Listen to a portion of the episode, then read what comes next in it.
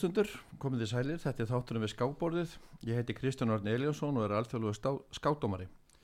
Gestur minn í þættinum í dag er Helgi Ás Gretarsson, stórmestar í skák og fyrsti var að borgarfulltur við sjálfstæðarflóks í Reykjavík. Helgi Ás var heimsmættar í skák í flokki 20 ára og yngri, aðeins 17 ára gama, þetta afreikað hann árið 1994. Helgi, verður velkomið við skákborðið. Já, þakka þér fyrir, gaman að koma til þín Kristján.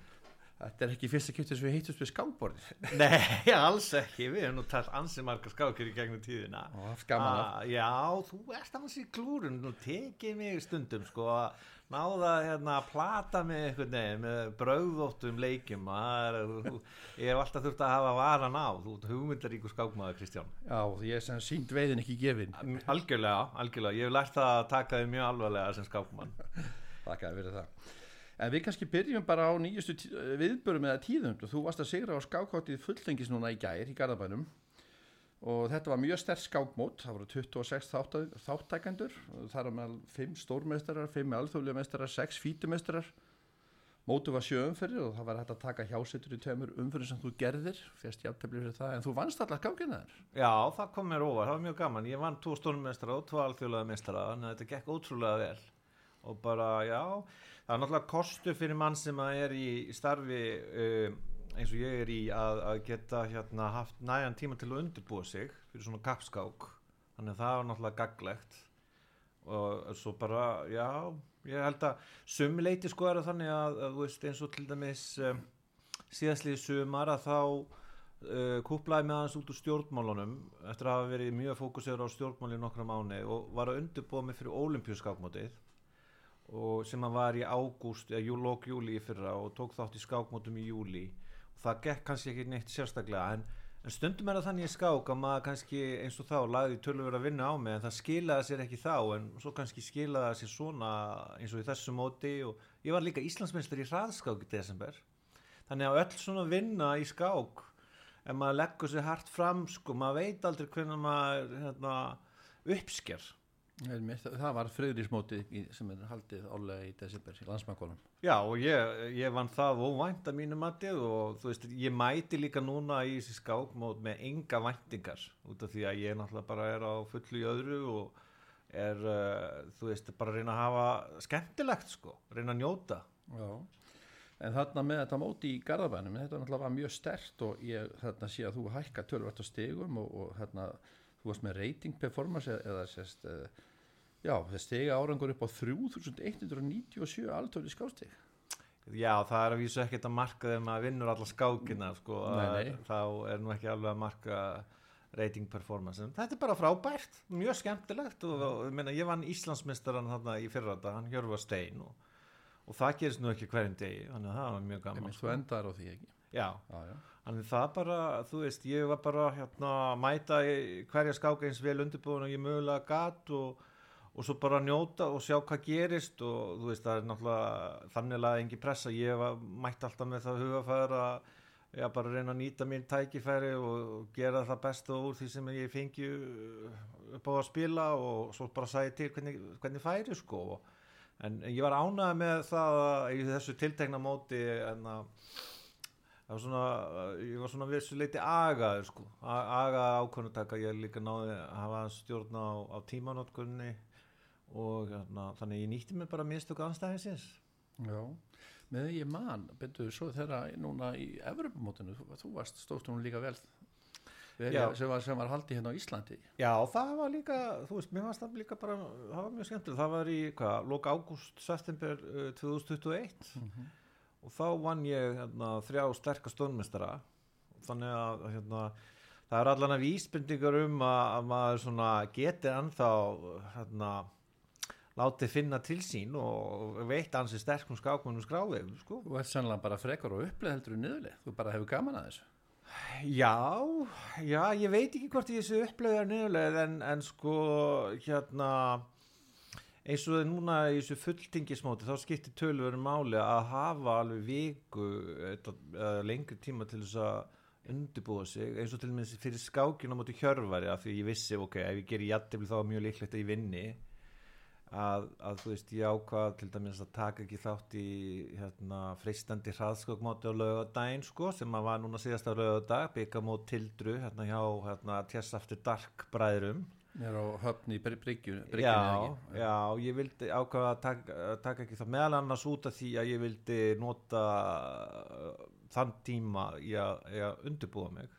Mhm. Og það hjálpaði til vegna þess að svo kom upp uh, hérna svona byrjun sem ég var búin að pæla svolítið í og, og þú veist og þannig að hérna, þá gæti ég spara tíma og orku til að byrja með og, og, hann var líka vel undirbúin en, en hérna en það, sko Bent Larsen, fræði danski stólmestarinn, hann sagði oft sko, veist, það sá sem síðast gerir mistök sem vinnur skákina Það er mjög raugrætt eða ekki Jú, jú, en það þýðir það veist að það er alltaf sko, ef maður uh, sko, auðvitað er nöðsynlegt að mútið sterkur skakunum að gera stórkastlega hluti en oft á tíðum þarf þess ekki neitt sko. bara ef þú heldur sjó og aga og svona og ert að fækka mistökunum að að vera tilbúin að nýta þér þá þau mistök sem að anstæðingunni gerir. Já, og ef hann gerir ekki mistök þá bara endar þetta með jafntöfli og að menn standa sér Já, það, það er náttúrulega lókikin, það er svona austur-evróska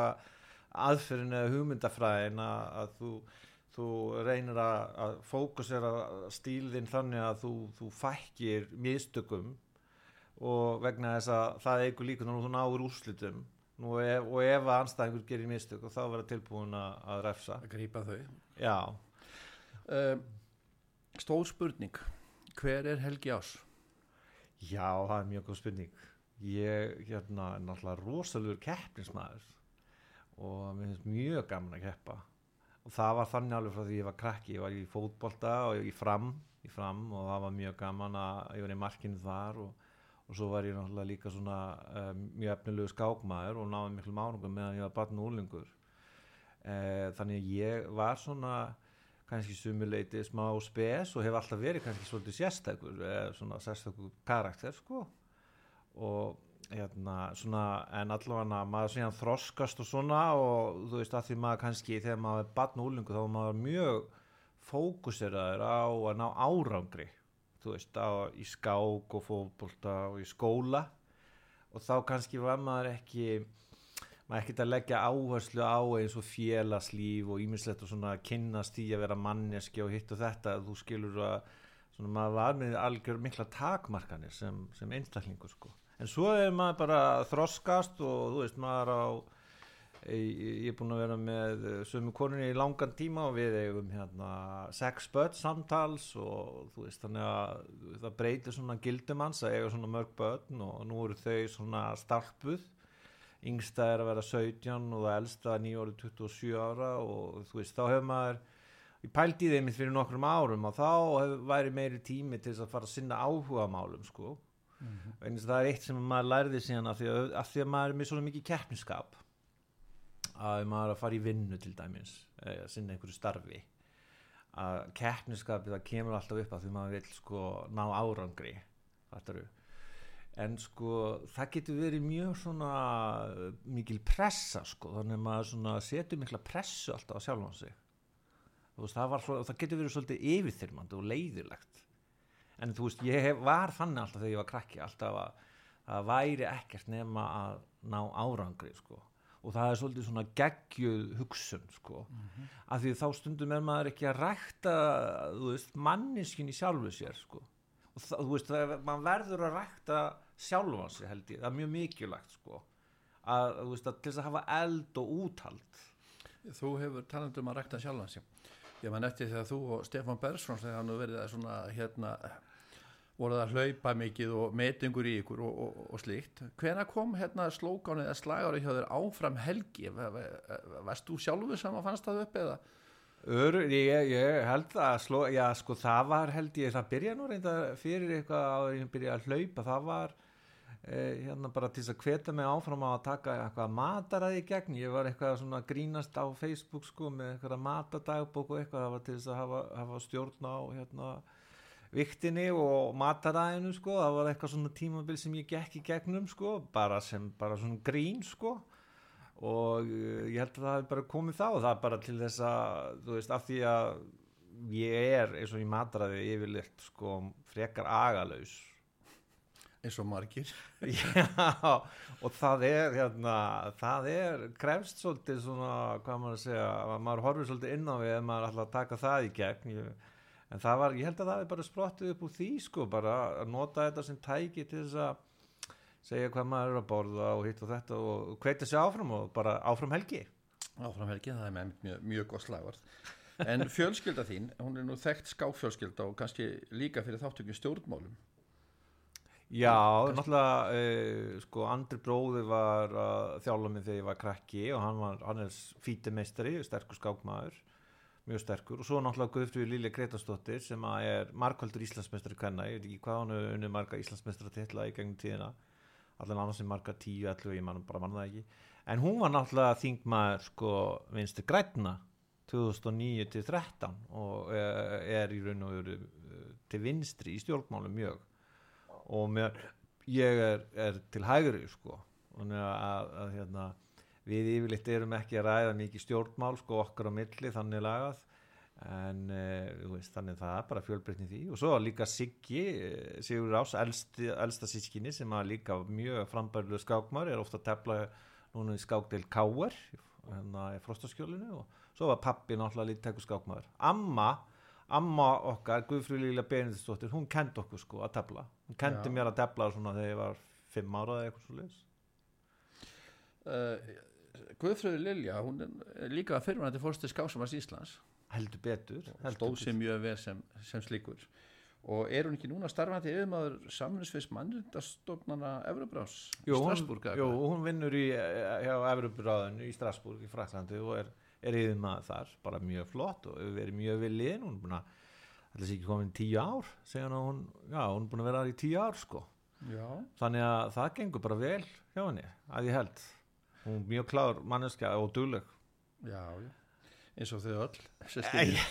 Já, hún, er, hún er allan að mjög góð með fólk sko. hún, hérna, hún hefur það oft á tíðum held ég, en mér hefur fannst allan að sögulega séð, hafði það mikið fram með mig sko. hún mjög, alltaf mjög góð í samskiptum við annað fólk og svona snjölla já, að hérna, koma koma vel fram við annað fólk sko, Mhm. myndi ég segja Eh, þegar þú varst heimsmeistari uh, þá varstu 17 ára gamall 1994 og vannst samt í flokki 20 ára og yngri sem er sko það er rosalegur árangur.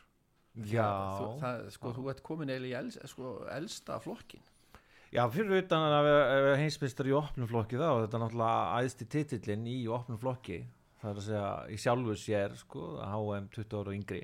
Þú getur ekki, eða varandi þannig að það var bara frábært sko. Ég meina, Kasparov var 17 ára þegar hann var heimsmyndstari 20 ára og yngri en ég meina, ég náttúrulega var ekki nándar eins hæfilgaríkur og hafði ekki nándar eins gott uh, bakland og hann uh, þegar hann var, hvað, 17 ára 80 Sovjetríkjunum en ég meina þetta, já, þetta kom, kom á óvart og já, það var mjög erfi samt sko í framhaldinu var mjög flókið að, hérna, þú veist, að ákvæða hvað ætti svo að gerast og þannig að ég hætti síðan eiginlega að tefla bara upp úr 2000 eða svona 2002 var eiginlega síðasta alvöru ári mitt sko e, það sem ég tók þátt í olimpíu skákmönd og fleira og teldi svolítið 2002 en eftir það bara teldi ég sára lítið sko í, í mjög langað tíma. En, en sko, hvað aðdraðendin að því þú verður heimsmeistari hvað, hvað varstu búin að vera að gera?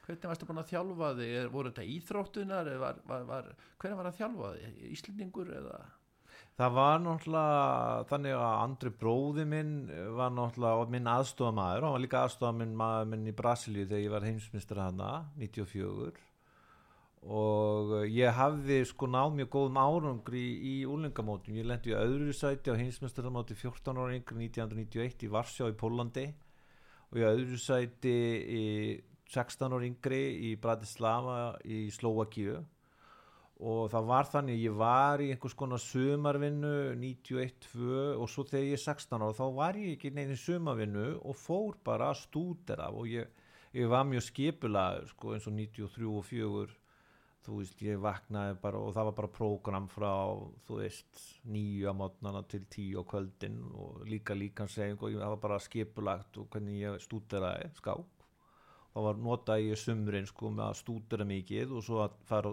til útlanda að tefla.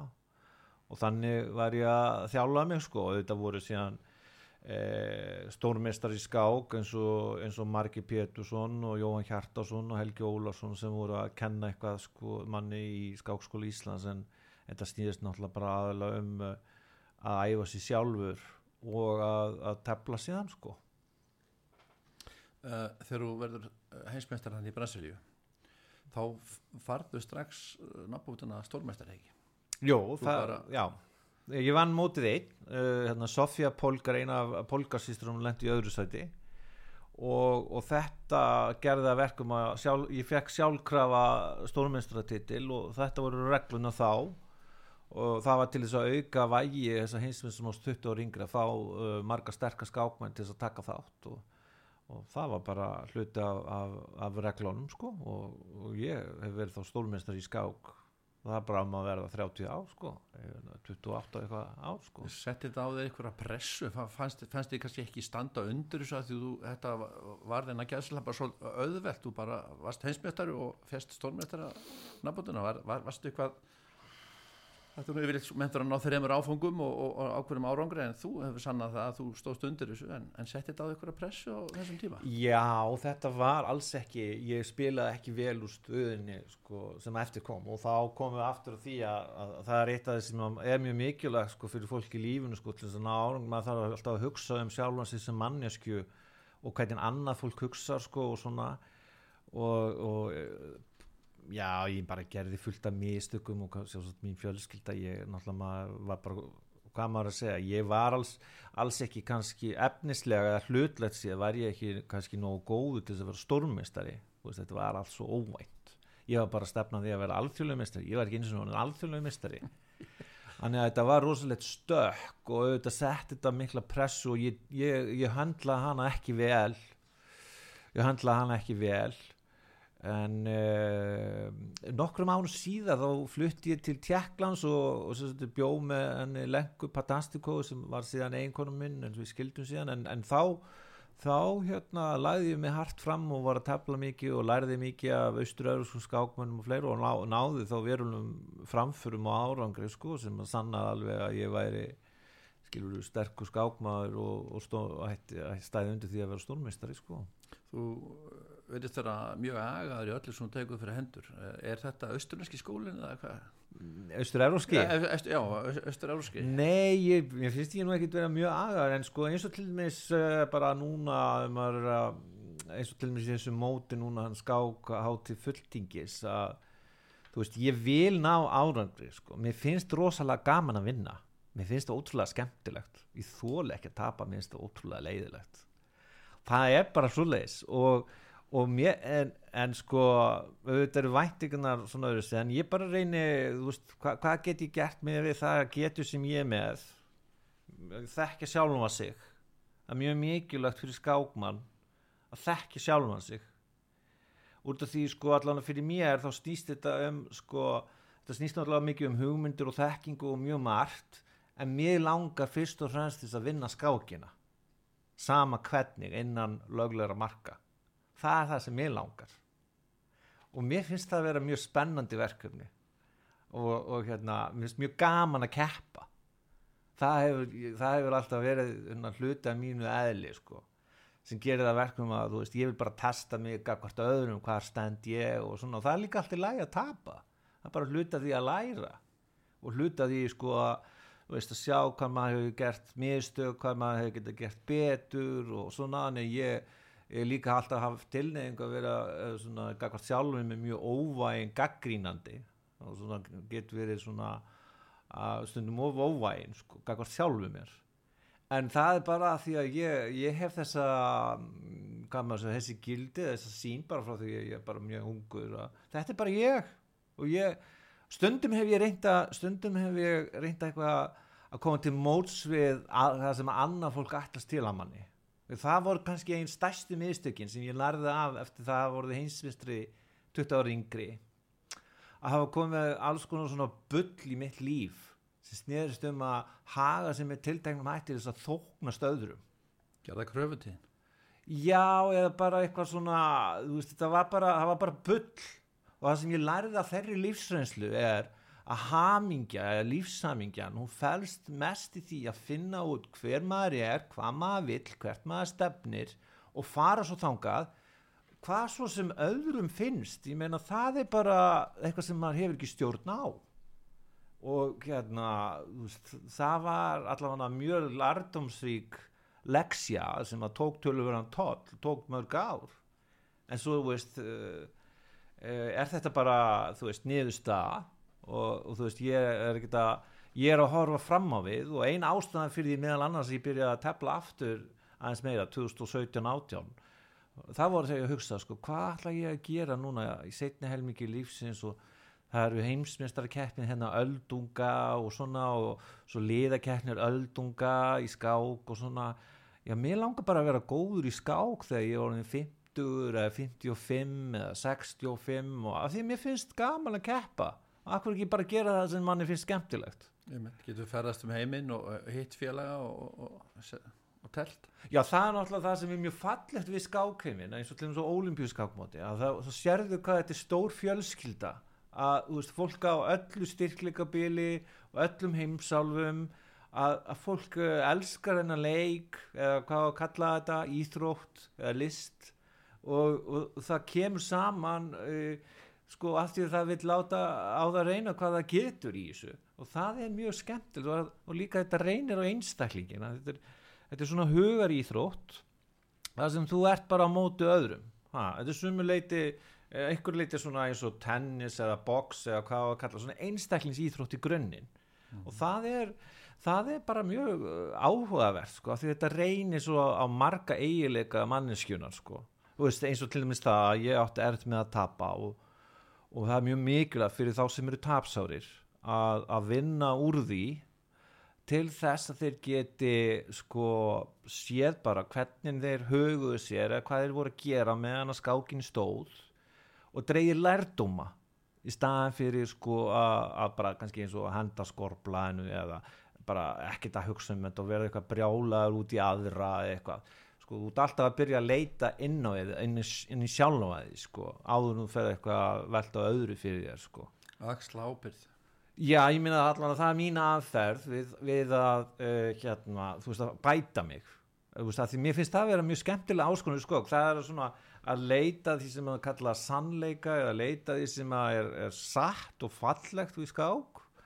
Og í því skynir sko líka að segja sko, ég, maður getur ekkert alltaf fundið það. Maður getur ekkert alltaf fundið það og, og, en, en að halda áfram að reyna og, og vegna þess að það er þannig sem maður bæti sig. Það sér það nú ennþá á mótum að það eiga er mjög erfitt með að tappa og hérna svo segir henda skorplæðinu, rífa skorplæði ég vil flega mörnir út um all Já, ég, ég, ég meina ég, það er ennþá þann dag í það oft og tíum að ég verð mjög svektur fyrst og bara, já, get brúðist illa við, sko, en ég náttúrulega maður er eftir, eftir sem að ég er nú nýjórið 46 ára og maður er reyna að klíma við að, að hafa stjórn á þessu. En það, ég verði alveg ekki að það bara stundum á ég bara mjög ert með það. Og bara, já, er, er, er, er snögg reyðist sko, er full en, en sko það, það það, sko, þau, í lókdags þá virkar svo aðferð ekki sko, vegna þess að tilfinningin er bara hvernig get ég lært að þessu til þess að veist, glíma við næstu skák og fundi leiði til þess að ná árangri henni? Þú varst aðeins búin að fara svona yfir íþróttaferil þú varst markmaður hjá Fram. Já, og ég var mjög efnilegu markmað, ég var valin besti markmað að Tomma Mótsson sem ég var nýja ára og tíu ára, tvö ári röð og ég var í drengjalanslun undir 16 ára þar sem það voru margir síðan öflögi fókbóltamenn sem síðar náðu langt og, og hérna ég spilaði eitthvað eitthva landsleiki. En svo, veist, eh, við komumst í úslutakeppni Everby Móts landsliða undir 16 ára og haldinn í Tyrklandi voru 93 og, og, og svona í kjölfar að því sko, þá þurfti ég að velja og ég valdi að fókusera svolítið að skák þetta sumari sko þegar ég var 16 ára og bara og fór síðan að tefla og svona og það var síðan þá veist orðið flóknar þegar maður komin í framhaldsskóla að vera bæ í skák og, og fótbolta sko. Það var flókið þannig að maður þurfti að velja. En ég, ég eigði mjög miklum tíma að ég horfa fótbolta. Ég held mikið með Liverpool. Og ég hérna, eigði miklum tíma í að, að fylgjast með öllu sem við kemur Liverpool og, og svo að sjálfsögðu fram þegar það byrjar vor og, og komið sumar sko. Segðu mér þó eitt, eh, hver er munurinn á að, þú er reynsla á kvöldsvækja, vandalega, hver er munurinn á að tapa í einstaklisíþrótt og hópíþrótt? Það er nú svolítið mikill munur vegna þess að þú, þú ert alltaf hluti að liði sko í fótbolta og þá er þetta svona samiðilegt skipbrot náttúrulega og auðvitað maður svektur og svona en það, veist, það eru margar orsakir fyrir ósynunum sko, það er eitthvað sem þú hefur ekki stjórn á en í skák að þá ertu einn og þú getur alltaf leitað inn á við. Þú getur alltaf hort á hvað gætt ég gert betur til þess að mögulega ná árangur og stundum segir bara ok, ég, hann- viðkomandi var bara miklu betur en ég og teldi miklu betur og allt er læg með það. En þú getur samt alltaf leitað inn á við. Og auðvitað getur þú líka í hópið leitað inn á við en það er samt sko þú ert alltaf hluti af starra mengi. Það eru, það eru tíu aðrir í liðinu. Er kannski skákina því að þú bara einn á móti anstæðingunum, er kannski, ertu kannski fyrra áttaði á því hvað hefur farið úrskæðist í staðin fyrir út í kannski hópíþrótt, þá getur alltaf kent sko, félagunir um, um tapið, en þarna verður að kenna sjálfur um þetta og, og hérna ertu kannski fyrra að, að koma aðra efninu, að leysa úr?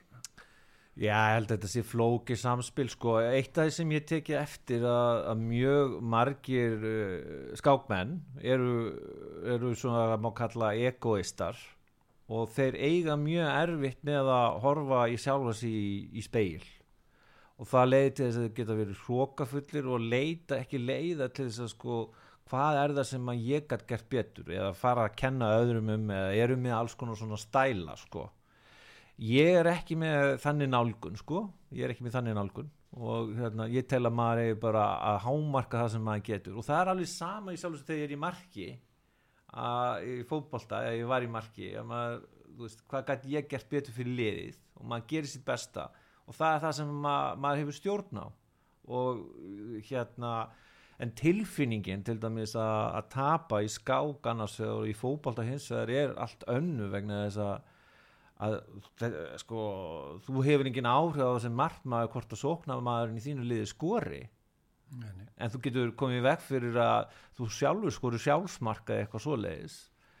En, en skilur mér finnst þetta að vera skemmtilegast við skákina. Það er þessi, sko, allan nálgast ég það þannig það er þessi áskorun sem maður, maður stendur alltaf frammi fyrir gagvart sjálfum sér.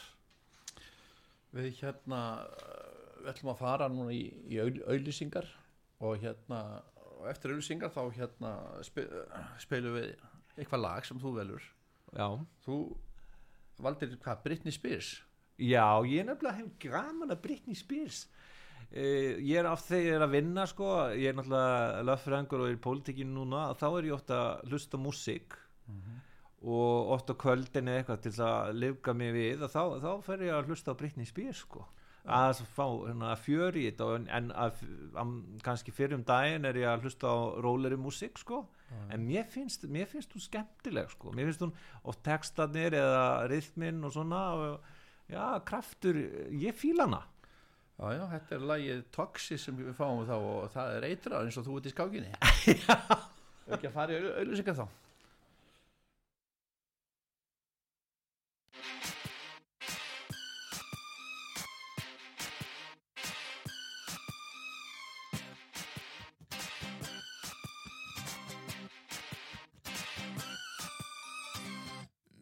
can't you see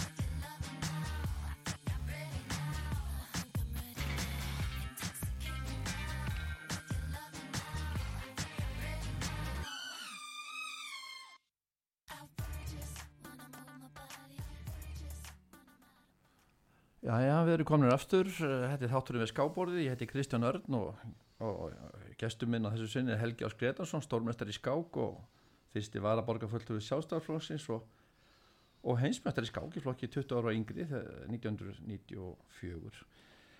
Helgi, við erum búin að tala um skákina og svona kannski smá sálfræði kringum hana.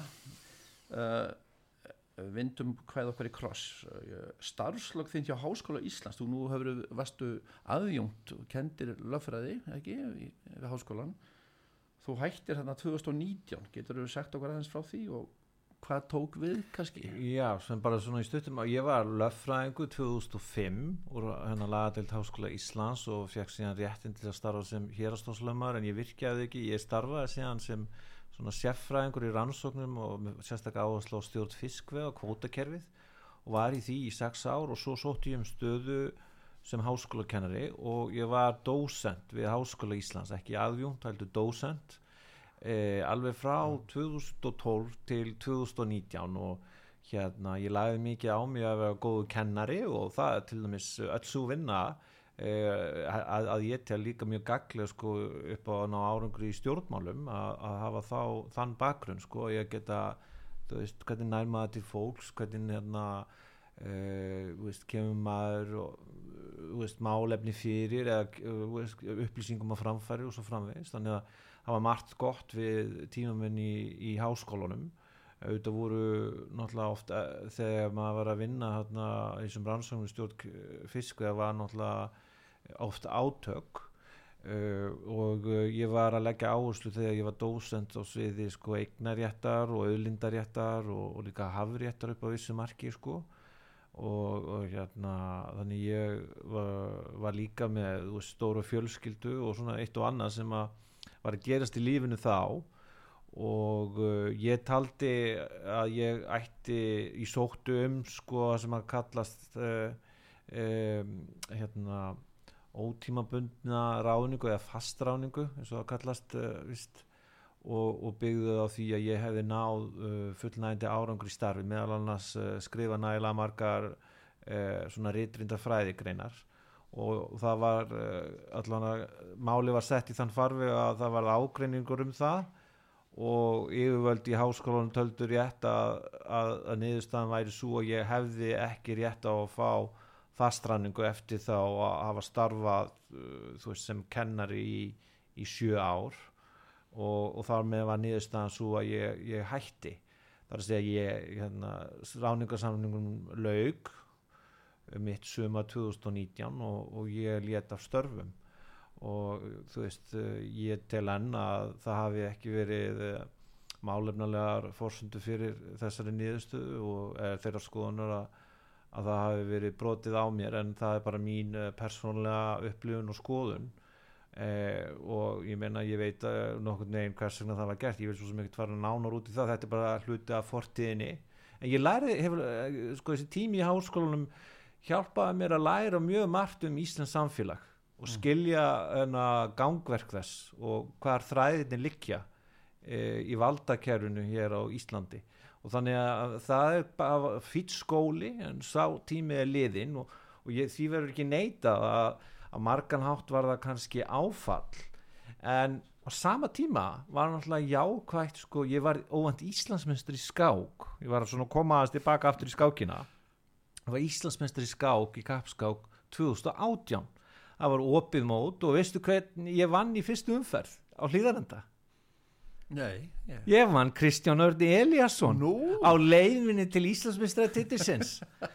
Að hann að sumarið í júni 2018 þú teldir hérna grunnfeld og ég leik snemma drottning B3 og, og ég var bara komin í tímarhæk og vandra því ég var svo rættu við kallinn sko.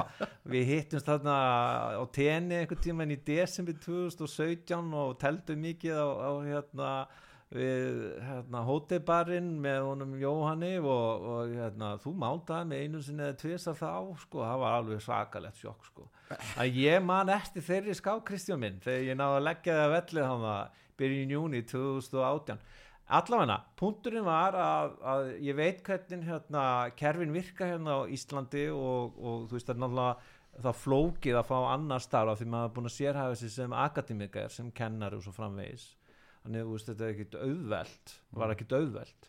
En það er líka eitt það sem maður- það svo að hugsa ég, ég með langar að reyna að vera betri skák svo ég fór bara í það. Og, og var að leggja fókus á það sko. Og, það, og skákin hefur gefið mér mjög mikið á margan hátt og, og eitt af því sem að mér fannst hún gefa mér er sko þetta svona eh, grunneðli frá því ég var bara smápolli og það er að berjast. Mhm. Og það er eitt af það sem ég finnst vera mjög sérkennlegt við þróun Íslands samfélag að það er uh, hérna að vera fórnalamp það er bara allir að útmála sig ofnberlega að þessu fórnalamp og mín niðurstaða í lífinu er svo ef þú lendir í áföllum eins og erfið og þau eru ef þú heldur alltaf áfram að lita þessum fórnalamp þá er það hérna, versti óleikur er gagvart þér sjálfum. Þú týnir sjálfum þér þú týnir fókusnum og þú týnir hvert þú ætlar að fara þú festið því fortíðinni. Það, það er ekki ég.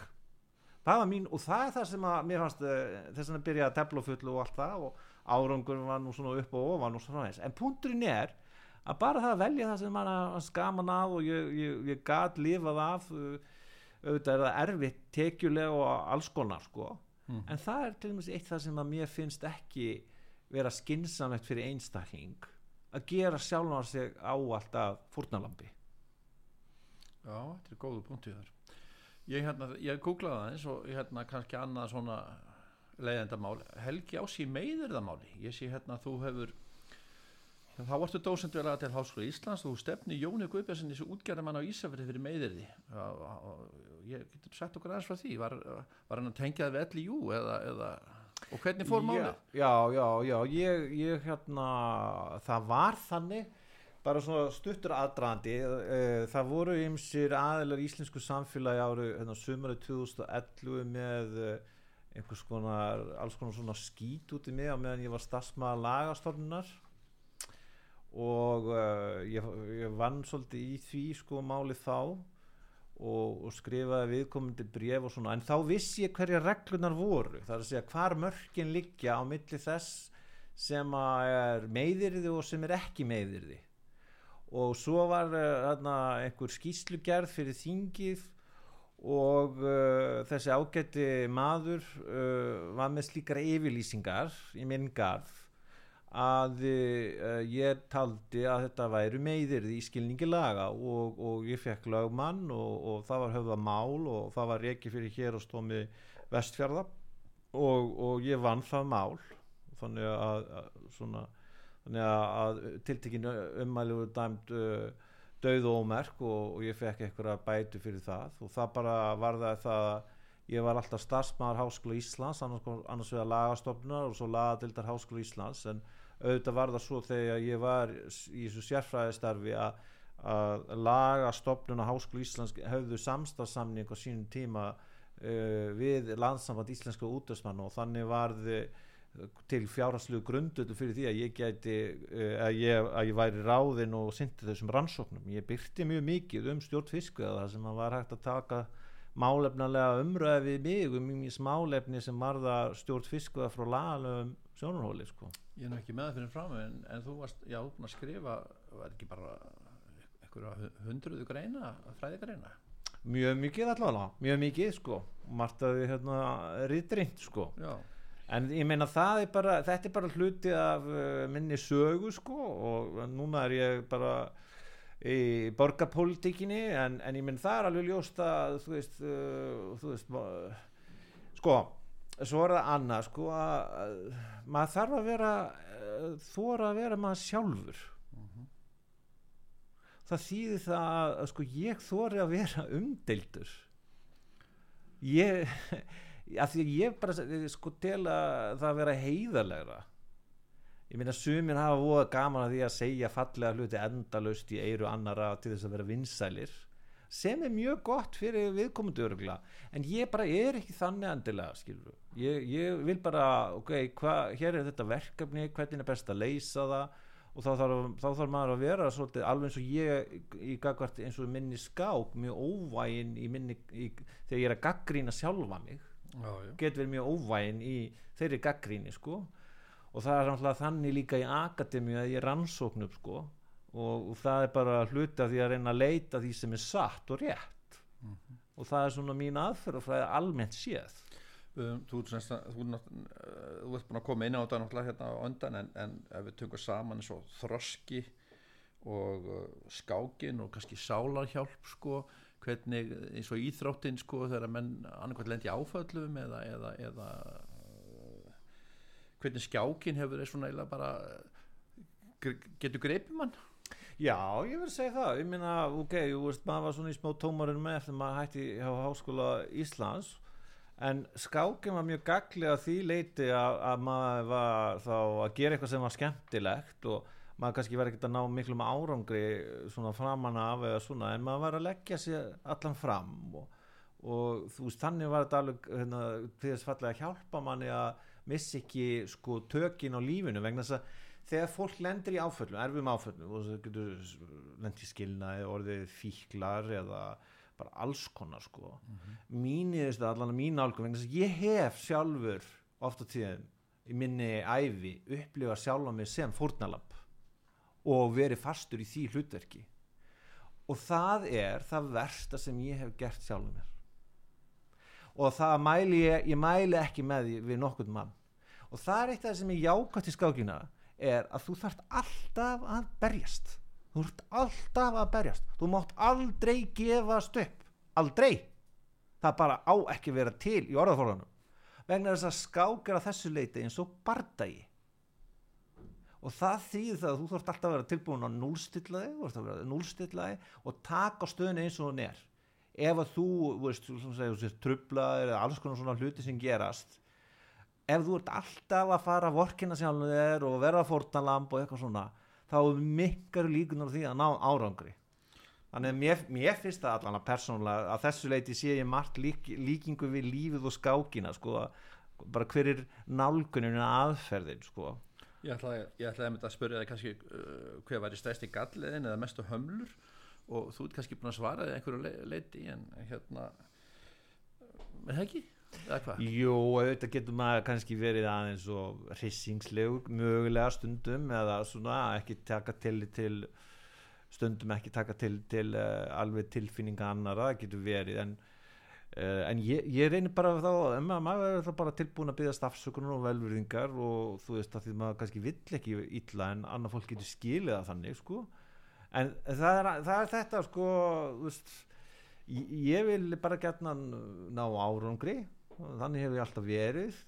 Og ég, ég get ekki séð að það sé sko, auðvitað getur það verið það er mjög gaglegt að, auðvitað, að, veist, að peppa annað fólk upp. Ég er líka alveg peppari sko en að vera alltaf að tala um hana, erfiða hluti undir rós og veist, vera með yfirborskent hjal um ekki neitt sem er ekkert gaglegt kemst ekkert að kjarna málsins eða þú íti málunum ekkert áfram.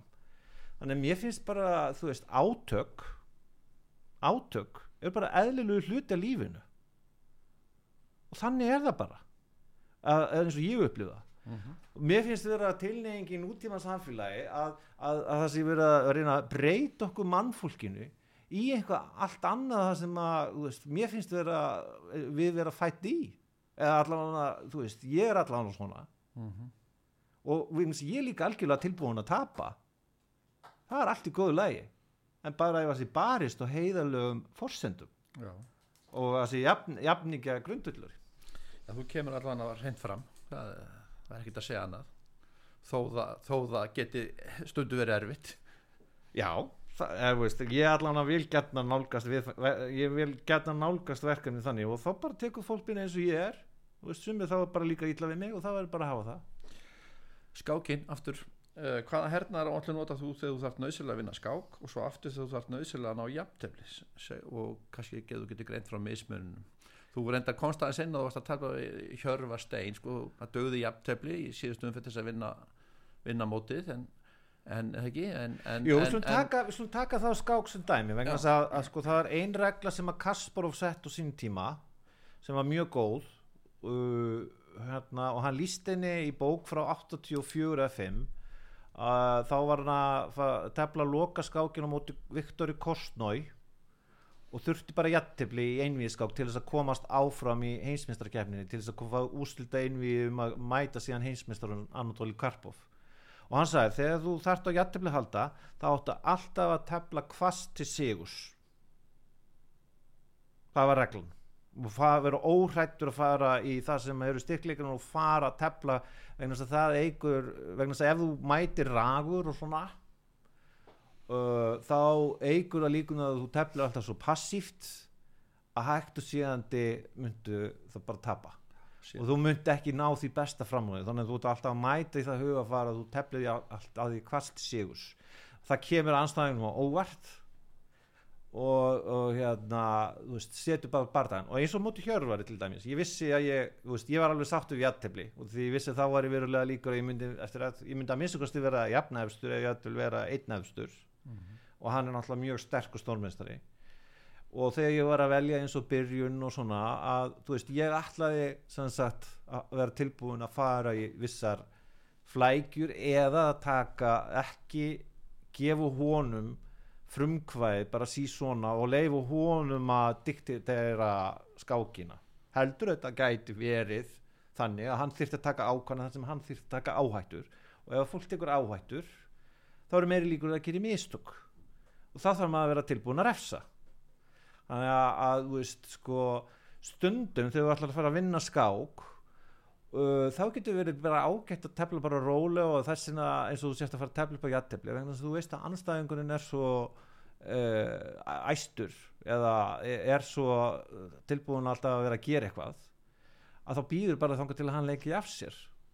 Og mín reynsli eins og móti þér er að það, það er bara oft gott að vera rólur svona að ekki leifa ómikla flækjur og neitt og svo býðum maður bara til að þú, þú leikir eitthvað að þér og þá vinnum maður skákina. Þú býður eftir að árusunni er lokið og þá kemur þú já, já það, það er alveg valkostur í stöðunni en, en stundin þegar þú ert að tefla við hérna, mjög sterk og svona þá þarftu að fara í, í sók sem fyrst. Þannig að þetta er bara mjög síðan eftir hvernig þú vilt ná árangur sko. þú þarft að geta telt alls konar stöður.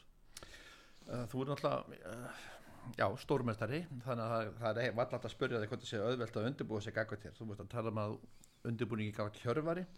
Ertu með mikið af, af tólum í verkværatöskunni í byrjunum og, og, og ertu mjög ófyrir sjámanlegur í byrjunum?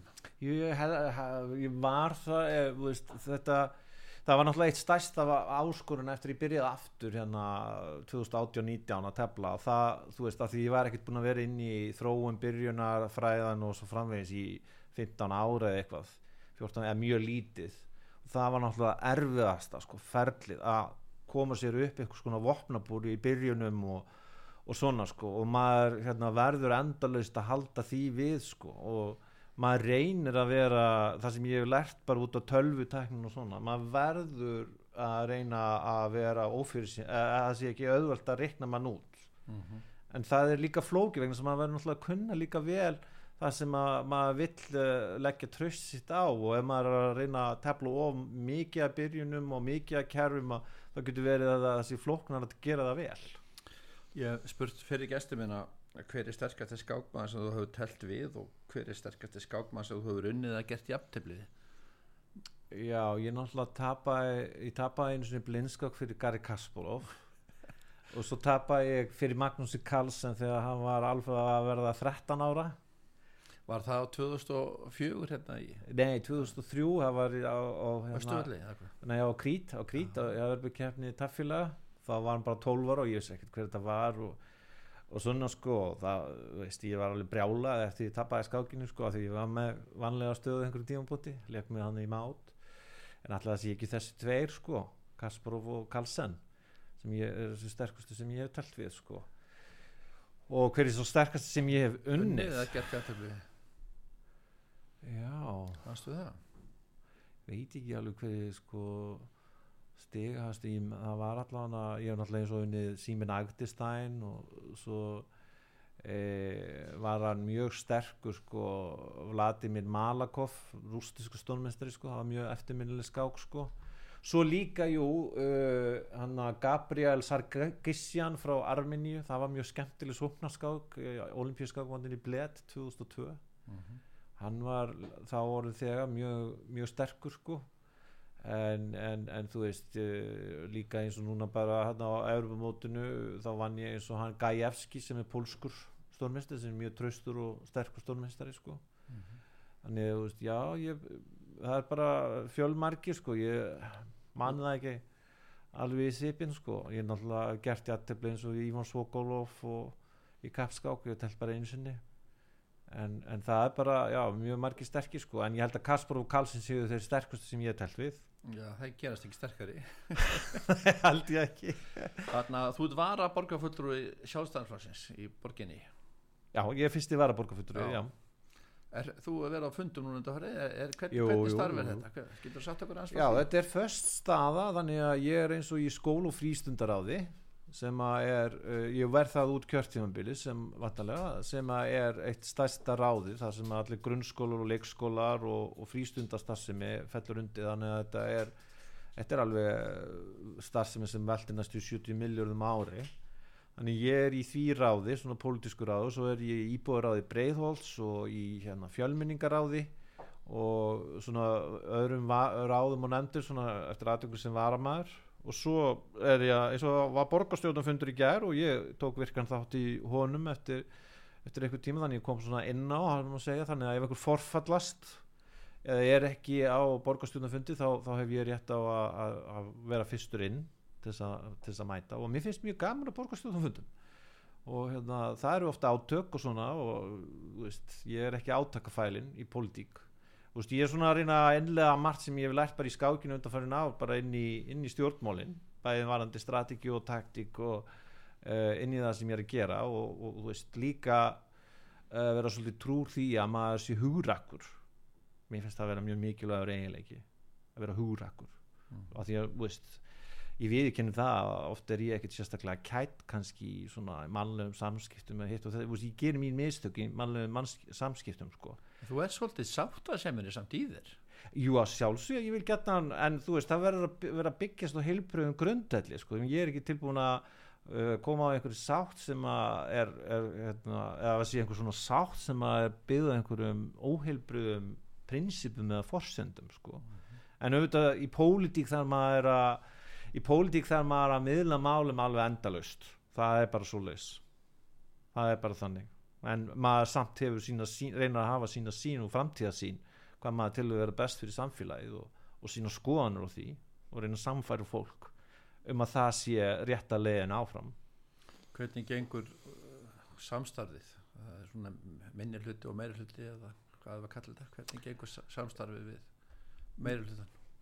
það er bara misjamt eftir verkefnum og svona sko en á heildina liti er það náttúrulega þannig að við í sjálfstæðarsflokkum hefur verið lengi í minni hluta og, og sagt, mín persónulega skoðan er svo að, að e, stefnan í mjög mörgum málflokkum er og vinstri sinnu það er og farið illa með skattfí að mínu mati á mjög mörgum síðan og það, væri, það er fullt sviðrum til þess að hægra og fara betur með skattfí og ég myndi geta vilja sjá aðra forgangsröðun sem miður að því að, að bæta í raun og veru uh, svona líf borgarans hins venjulega skattgreðanda ég er allan með fullt af hugmyndum í þeim efnum en samstarfi, ég meina veist, þetta er uh, bara pólitík er eins og hún er skiluru, ég meina við þurfum að vera að veita málefnalegt og gaggrinnið aðhald sem erum í minnilutanum og ég vil mér ekkert fyrir því sko Þú varst á móti borgarlínu, ertu það ennþá? Eh, sko við viljum í sjálfstæðisfloknum bæta almennu samgöngur þannig að fólk hafi uh, sko frelsi í að velja sko. Hvort sem það er engabílinn eða hjólreðar eða, eða ganga eða aðrir faramátar og það, eh, við vorum með tillögu í gær sem er með að því að, að það er virkja svo kallar endurskoðuna ákvað um samgöngusáttmálan og það stafa meðal annars að því að fyrir líkur að framkvæmtakostnaðinu áallega framkvæmtakostnaður hefur hækka töluvert.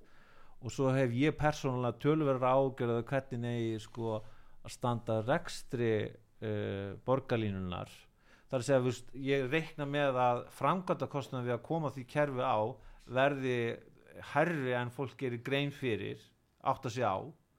En uh, samkvæmt fyrirlingandi heimildum þá á vantilega ríkið, Íslenska ríkið fyrst og fremst að greiða það en líka Reykjavíkuborg en þegar, þegar þessu lokið þá þarf einhvern veginn að reka strætókerfið og borgarlínan er ekkit annað en stórt strætókerfi. Þetta er bara viðbútt við núverandi strætókerfi. Þetta er ekki léttvagnar eða lest eða eitthvað annað. Það eru margir sem halda það. Þetta er bara strætó.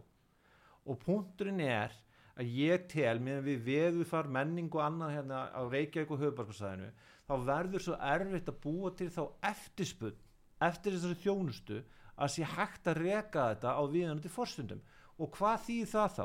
Það þýðir það að það er að niðurgreða þetta skattfé og ver, þá verður þetta svo dýrt að það verður fyrst og fremst á, á herðum reykvískra skattgreðanda vegna þess að eins og með strætó og höfubarkasæðinu þá eru við reykingar að greiða s- einhver núna rúm 60% Já, uh, Helgi, þú ert fattur 18. februar 1977, nýjórðin 46 ára og konaðin átti ammali þegar það er tveit dagar á millikar Já, hún á ammali, hún Ólu Vala 20. februar 20. februar Já, Þú ert vasperi og hún er það vantalega hvað, fiskur? Já, já, rétt. Vasperinn eh, er, er vinalögur en mjög uppfinningasamur. Þeir eru sjálfstæður og hugsa um sig sjálfur þeir eru góðir, vinir og tröstir Er þetta ekki bara þú? Jú, ég, ég veit ekki. Ég er nú ekki mjög mikla trú á stjörnusbyggja en ég, jú, ég get ekki bara skrifað upp á þetta. En svona því við erum eiginlega komnið fram yfir tíman uh, þú heitir Helgi Dagbjartur Ásk Gretarsson Já, það er rétt, það er rétt. Þú notar það uh, Nei, bara snem, nei, sko, hann er svo langt nafn, sko, en þetta amma mín í, móðuramma mín hétt Helga Dagbjörn og uh, pappi var svo fyrsti sem hétt, sko, Ás, hann hétt Gretar Ás, hann var fyrsti sem var með Ás og við bræðinni vorum allir með Ás og það, ég bara snemma þegar ég var ungur ákvað ég bara, ég nota bara Helgi Ás, veist, til þess að þetta sé stutt og skýrt, af því að Helgi Dagbjörn Ás er svolítið langt og þannig að það var bara niðurstaðan að ég vildi bara nú, ég vel almennt séð og út, út í feltinu eða ofinbeglega er ég Helgi Ás Gretarsson Er eitthvað sem þú vilt segja að lokum? Ég bara fannst gaman að hafa komið til þín og hlakka til þess að koma aftur og svo vona ég að þú vinnir með aldrei aftur í skák Já, ég, ég myndur ekki treysta á það. En þakka fyrir. Þæ- Þættur við skáparið er lokið í dag. Ég þakka gestumunum Helga Ás Gretasinni stórmestara, varaborgarfulltrúa og fyrirvændi heimsbyttir í skák fyrir komin í þáttinn og mjög skemmtileg spjall. Bara reynisinni þakka ég fyrir tæknumál og stjórnun útsettingar hlustöðum öllu fyrir hlustöðuna ég heiti Kristján Örn, verið þið sæl og góða stundir. Bless, bless.